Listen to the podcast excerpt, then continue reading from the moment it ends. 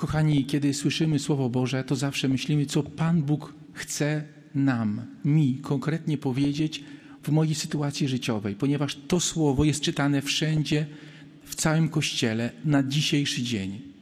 I dzisiaj Pan Bóg w pierwszym czytaniu mówi nam o budowie namiotu spotkania.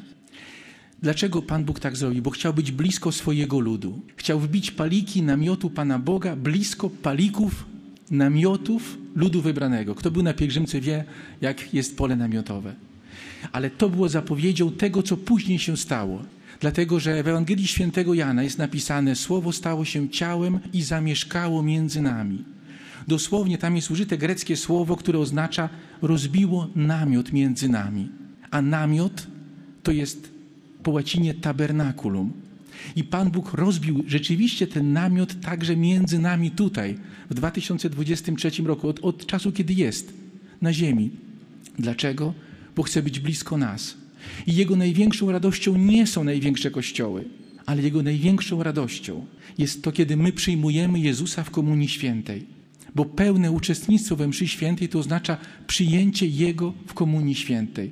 On po to przychodzi. I kochani, chciałbym podzielić się takim jednym zdaniem, które od prawie 20 lat, od momentu, kiedy je przeczytałem, a otrzymałem je mailem od kolegi, często wraca. Dlatego chciałbym się z wami również tym podzielić. Otóż we Włoszech kiedyś pani katechetka prosiła dzieci, żeby zadały pytania Panu Jezusowi. Tak jak się pisze przed świętami do świętego Mikołaja, co się chce. I jedno dziecko zadało takie pytanie Panu Jezusowi. Panie Jezu, a nasz ksiądz to wy jesteście z nim przyjaciółmi, czy znacie się tylko z pracy?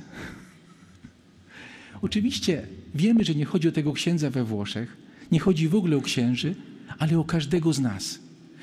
Kiedy możemy sobie w sercu odpowiedzieć, i nie tylko dzisiaj, może nawet przy rachunku sumienia codziennym, czy my z Jezusem jesteśmy przyjaciółmi, czy znamy się tylko z widzenia, a jedno o drugim nic nie wie?